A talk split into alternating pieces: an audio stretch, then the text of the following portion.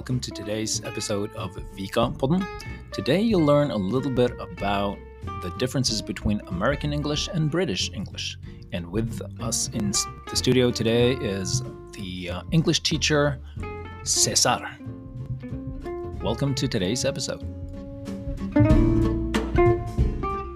So today we're gonna we're, today we're gonna talk about America, um, American English and British English, and uh, sort of like America and Britain. Um, how are they alike and how are they different? That's the focus, isn't it? Yeah. And you had a you had a pretty good quote. Yes, from a famous playwright. Yeah. Uh, that's it. George Bernard uh, Shaw. Yes. Uh, two countries separated by common language. Yeah, and he's one of your favorites, isn't he? Yeah. Can Yes. you, what Oh, what has he written? Can you? Uh, so many good works. I just couldn't mention one right now. It's Yeah, no, my there- head just too- too much. collapses Too Yeah. much. Too much to, to choose from. Oh yeah. Um, but yeah, so so two countries divided by Not se- yeah, separated by separated common. by a common, common language. language. Yeah, that's that's a pretty good quote, isn't it? Yeah, yeah. Because it, it says so much about the, the U.S. and and, and Britain and what Yeah. unites them, what separates them. Yeah, And uh, you know, they're used to be a part of the same thing, the British Empire, and Mhm. and and uh, with it's, it's, it's so interesting to see the linguistical and cultural development that the U.S. took on after they became independent. That's probably the reason, and that- it was probably happening before. That's the reason why they wanted to become independent. That it just didn't work. The the British system didn't work for them. Mhm. So it's um yeah, it's uh, I've never been to England, but I read enough to to appreciate the differences between the two of them. Yeah. and to be able to say here that I don't like England. you don't like England, but but you have been to the U.S. Uh, Yes, so have I. Yeah, you, you used to live there, didn't you? Yeah, I in, in Alaska. In Alaska. I live in Alaska for two years. It's pretty exotic, isn't it? Yes. So Did people- you see? Did you see a grizzly? Yes. Hmm. Yeah, yeah, they're everywhere. Black. Yeah, yeah, yeah. It's like you're it's- standing in a line, and there's like three people and two bears. Uh, well, actually, if they, th- that was the scary part, if they actually go into town and uh, they start like picking on trash and stuff, they have to they have to shoot them. Yeah. because it means they're not afraid of humans anymore, and that that's when they become dangerous. Do you think? Do you think bears have the same sort of uh, approach to humans? So if they find a human walking around picking mushrooms, they they deduce that oh, he's not afraid of bears anymore. We have to kill him. they probably do. They Yeah. probably do. Uh, and that's okay. You know, uh, I'm all for a little bit of balance. yeah,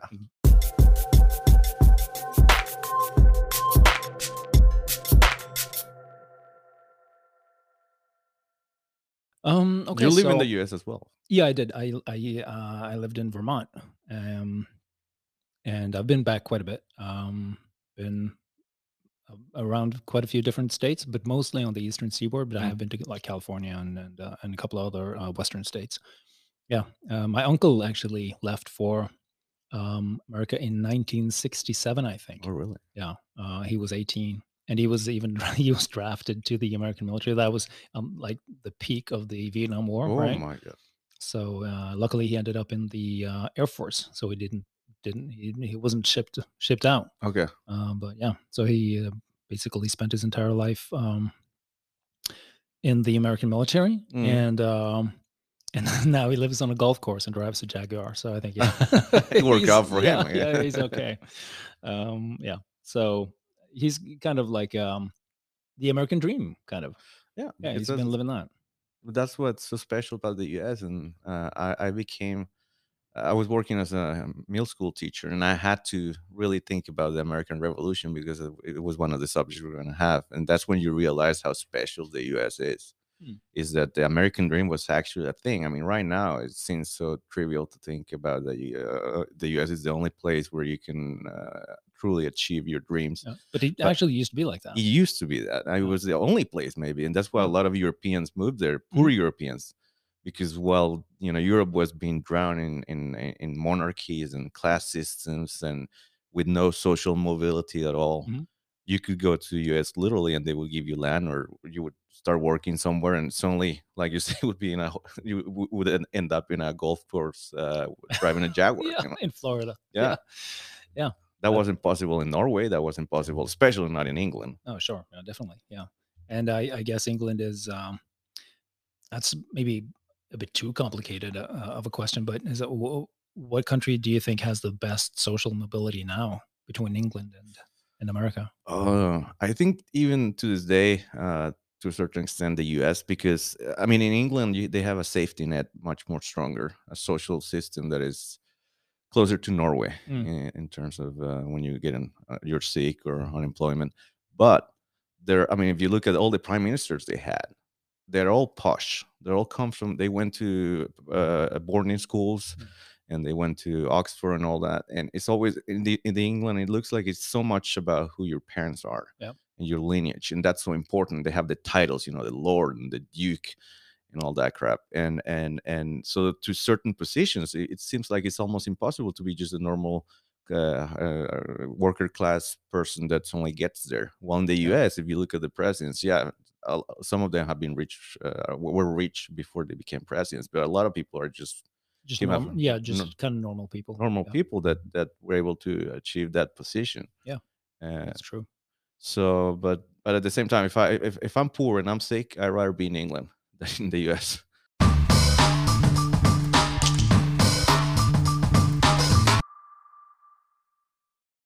one of the things for me that uh, I, speak American English when I speak English, unless I like make an effort to speak British English.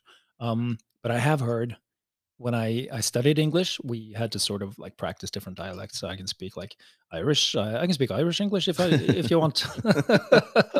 Top of the morning. yeah, top of the morning to you. Uh, but um, I have heard that the um, received pronunciation RP English, the, the Queen's own English, Mm, um, if you speak that, people will um, more or less think that you are more intelligent Mm. than a person that speaks uh, American English. Um, even though they say the exact, you can have a script like read it in American and British, and then you will be um, you will be perceived as more knowledgeable and and, and intelligent if you speak Mm. British English. Why? I guess it's the BBC's fault. I don't know. It's uh, uh it's, it, it seems. Uh, I guess it sounds like you- you put a lot of effort into talking like that. So maybe the reason is that then the yeah, it doesn't sound too natural. I guess. Hmm. Uh, while American English is it sounds more relaxed, but still can be very elegant. Yeah, Oh. yeah. And they used to have this thing called the transatlantic accent. I think was used to be Hmm. called that. If you look at movies from the 40s, 40s and, and 50s, used to be the way they like uh, Cary Grant and all those famous old Yeah. actors used to talk with. It was like a combination of Queen's English and American English. Oh, I didn't know that. Is It's called transatlantic yeah, transatlantic. So it was like uh, if you were an actor, you're like. I, I cannot uh, improvise right now, but yeah, it would sound stupid. But but it was it was an interesting combination Mm. Uh, because it, it, had an emphasis in being understood and an emphasis in in in, in uh, building your sentences in a Mm. pretty pretentious way like Queen's English, but also had the American flavor to it, Mm. uh, and it was Americans doing it. So so just just anyone curious about it, just watch an old movie uh, in black and white, and you'll you'll get to hear that. But Do- it's do you have any recommendations? oh uh, you can see Citizen Kane. Yeah, as you can. yeah. Actually, I I, I- talk uh, I talk about it with my students. They need to know Citizen Kane. They don't need to watch it, even though it's on it's on, it's on YouTube for free. Is it? The whole movie, yeah, because I think the rights ex- expire. Yeah, it's a pretty old one. Yeah. Yeah. But it's uh, the, the way Orson Welles talks as the actor. That's pure transatlant- transatlant- transatlantic English. See, it's even hard to say. That's probably why it sounds. Transatlantic. Yeah. We should do well. We should do a podcast about uh, movies. Like Yes, what uh, movies to watch. That'd be a good one. Uh, what? Wouldn't that be a good one? A- a- like a good Uh, I thought episode. it was like, give me one. And I'm like, oh give me one God, right no, now. Uh, Citizen Kane now. uh, two, The Return of Kane. the Lion King. Yeah, I, Lion I King think you, 2. uh, you and I have very different uh, movie uh, Uh, tastes. I don't know. Uh, maybe. What was the, the last Marvel movie you saw? Uh, actually, uh, not movie. I saw a Marvel uh, show. Uh, the um, uh, what's it called? WandaVision. Oh, yeah, but you saw it It's recently. Marvel. It is Marvel. Yeah, I mean, when did you see it? Last night. Okay, because that's been out for like two years. no, yeah, one year. yeah, I'm, uh, I'm backlogged a little bit. Yeah.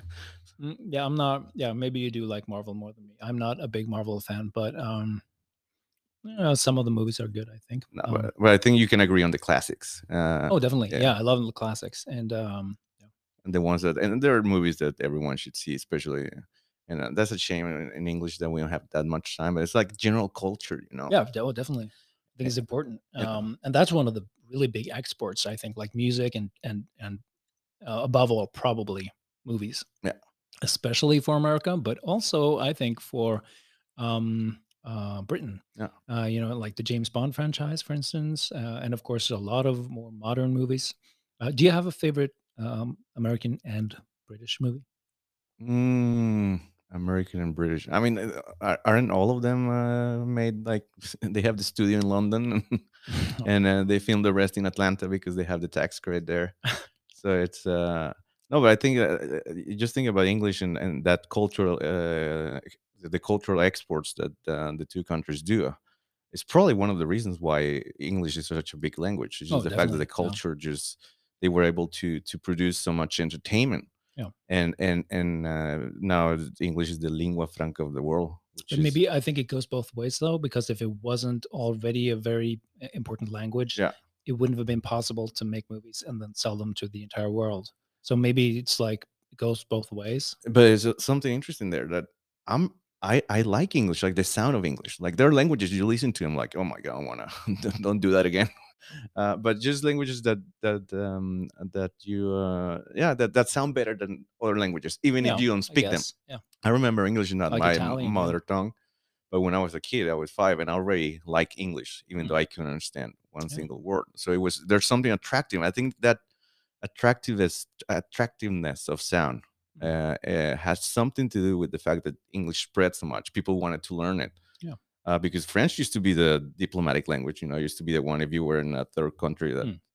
uh, didn't speak uh, you didn't speak the local language and they didn't speak your language, you had to speak in French. But English took over completely. And Chi- China is the biggest country in the world, and there are not a lot of people learning Chinese. Well, except for the Chinese. Yeah, and they which are is quite uh, a few people. A but- few. But, yeah, it's not a big thing outside of China. Yeah, exactly. And, uh, Not and- compared to Spanish and, and Yeah, uh, for example. and, uh.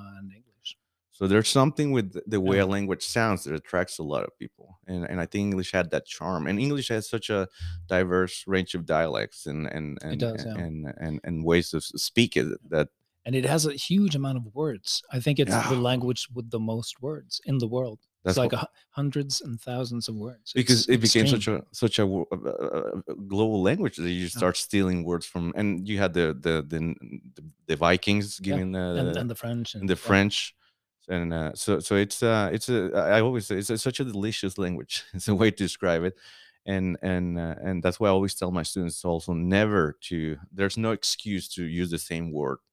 Yeah. Wait, as some a lot of Yeah. times in an essay, for example, you have in in, Norwegian. I get frustrated every now and then. I want to avoid repeating one word, but you don't have any any alternatives. Mm. In English, it's just such a rich yeah. language.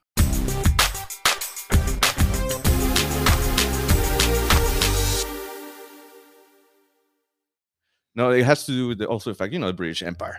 It was, Of course, they were yeah. everywhere. Yeah, and, and uh, so a lot of people think like America's powerful, Mm, oh no, but I mean, Oh, come sir. on, it's not even close to to to being where the British Empire uh, Yeah. was. Um, for for about hundred years, from like 1815 probably until about 1915, those hundred years, they couldn't be touched. Not really. I mean, if they wanted to do something, they do it. and you know, the kids, you you might think that Pirates of the Caribbean was a fiction, was fictional. No, it was a documentary. they were literally everywhere, and they have that Yeah, that like that the West Navy. India Company and the East India Yeah, Company, and Jesus. Yeah, that's in, that. That's a funny story, or not?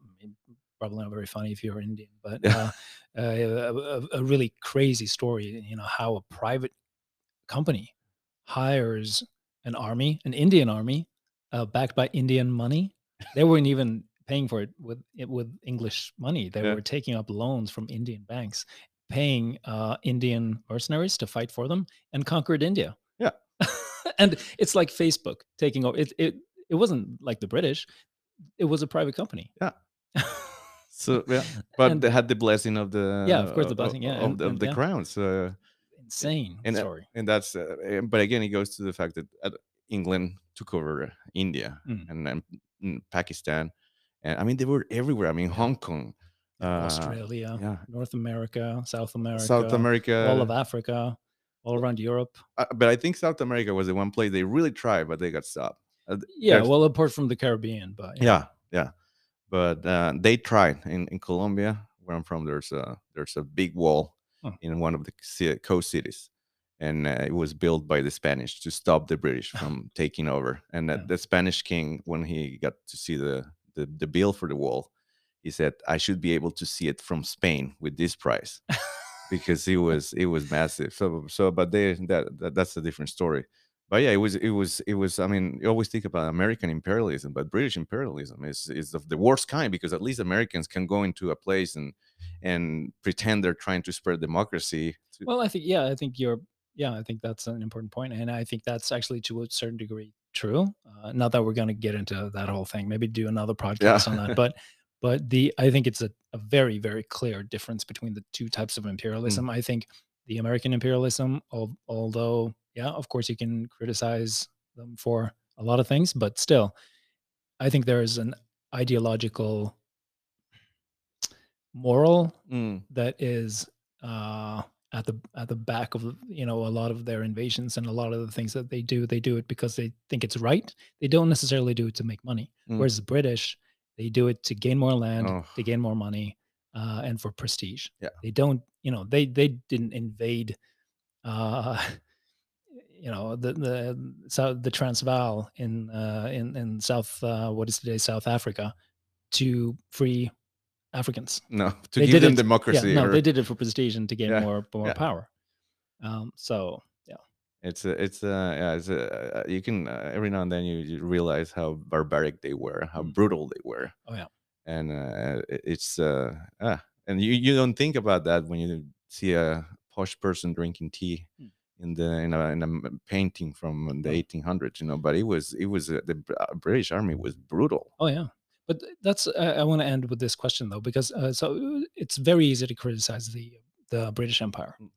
So why is it that there's so mo- so much nostalgia uh, that is connected to the the idea of being British, the uh, British Empire, the the idea of Britishness being like a positive thing and a kind of cool thing and something that you can you can export still.